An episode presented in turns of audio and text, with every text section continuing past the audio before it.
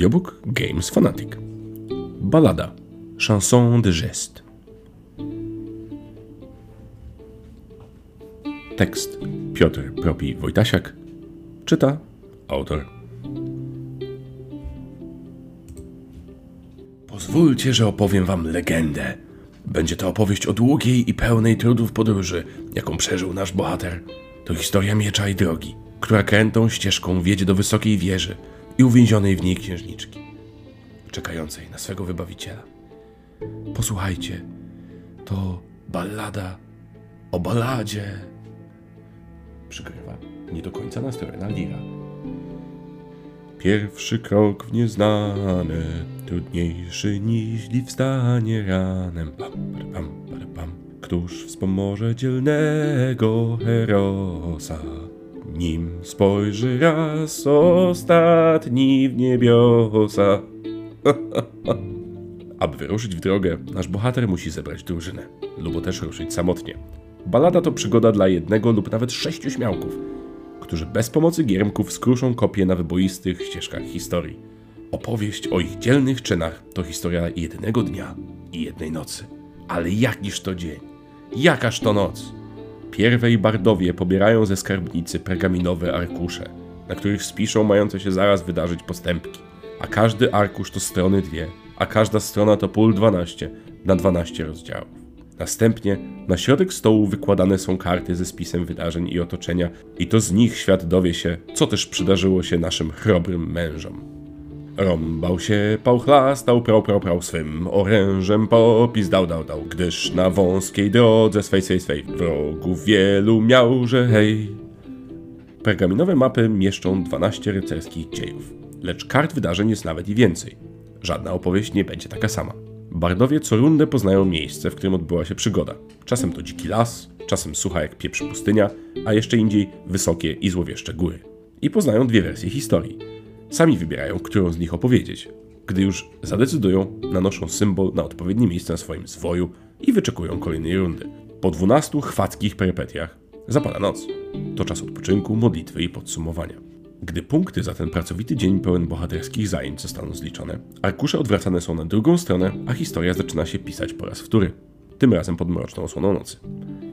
Gdy i tę noc przetrwają wszyscy śmiałkowie, opowieść kończy się. Bardowie porównują swoje podróżne pieśni, przyznają należne punkty i wybierają spośród nich tego, który przygodę opowiedział z największym rozmachem i swoje wspomnienia uporządkował najroztropniej. Ogłaszany jest mistrzem bardów. Otrzymuje lirę spowitą w złoto. I po wsze czasy wspominany będzie jako bajarz nad bajarzy.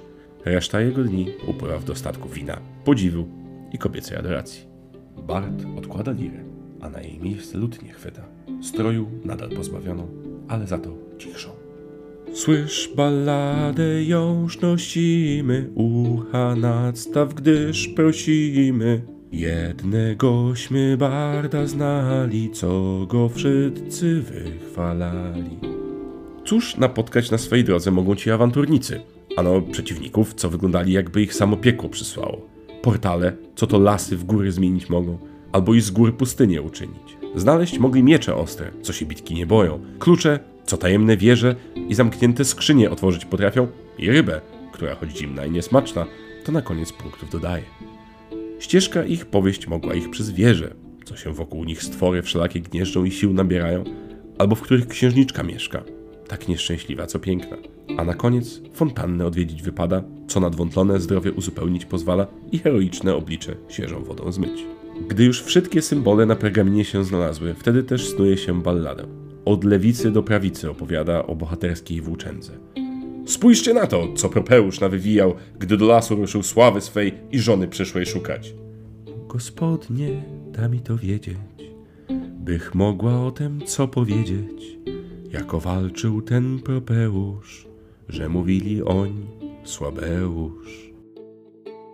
Pergamin jest niewyraźny, zębem czasu nadgryzion, ale widać co nieco jeszcze. Ruszył li on z domu, potykając się we wlesie o miecze dwa, nagie calusieńkie. Spotkał nagle zbierów górskich, trzech, co jeden to bardziej śmierdzący. Z początku myślał, że to tatrzańscy kupcy, co oscypski ser sprzedają. Gdy jednak zobaczył ostrza ich noży, czym prędzej nogi za pas wziął i przyjmując niejedną ranę, uciekł z ich obozowiska. Minął wieżę złowrogą, co okiennym okiem na niego łypała i na ten czas spotkał hydrę. Jedną, ale za to za łbami pięcioma. Chycił tedy nagi miecz swój, sprawnym cięciem wymierzył sprawiedliwość i otarłszy z ostrza krew, w dalszą podróż ruszył. Pod pochylonym drzewem skrzynię znalazł, ale że klucza nie miał, a miecza żal mu było tępić, to zostawił ją dla innych mężów. U podnóża góry zastąpiło mu drogę dwóch bandziorów, ale herlawych jakichś takich, co ich łatwo przegonił. Tuż za nimi z fontanny się napił, zdrowie regenerując i za to właśnie, a nie za rany odniesione, punkty zdobywając. Największy cud napotkał jeno dopiero później, gdyż na samym środku pustyni rybę znalazł. Tu mapa urywa się, a dalszy jego los w historii wiatrach się rozwiewa.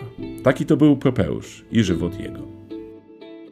Drzewiej niż gdy siędą jeść, tedy ją na stół biorą, tu siedzielni poznają, przytem się stołu sadzają. Nie każdemu pisany jest awanturniczy żywot. Nie każdy zawadiaką się rodzi i nie o każdym pieśni śpiewać będą. Balada jednako daje nawet najbardziej strachliwym możliwość opowiedzenia historii zupełnie niestworzonych. Strojne ilustracje, bogate ryciny i nadające nastroju mapy pomagają wskrzesić rycerskich wspomnień czar. Zaś bogaty pergaminów blok jeszcze przez wiele nocy zbierze wesołą gromadę przy wspólnym stole. Balada w małej skrzyneczce kryje zdumiewający dla głowy zagwost i decyzji łatwych nie podsuwa. Niby ruchów jeno tuzin, a potu na skroni jakby wiele.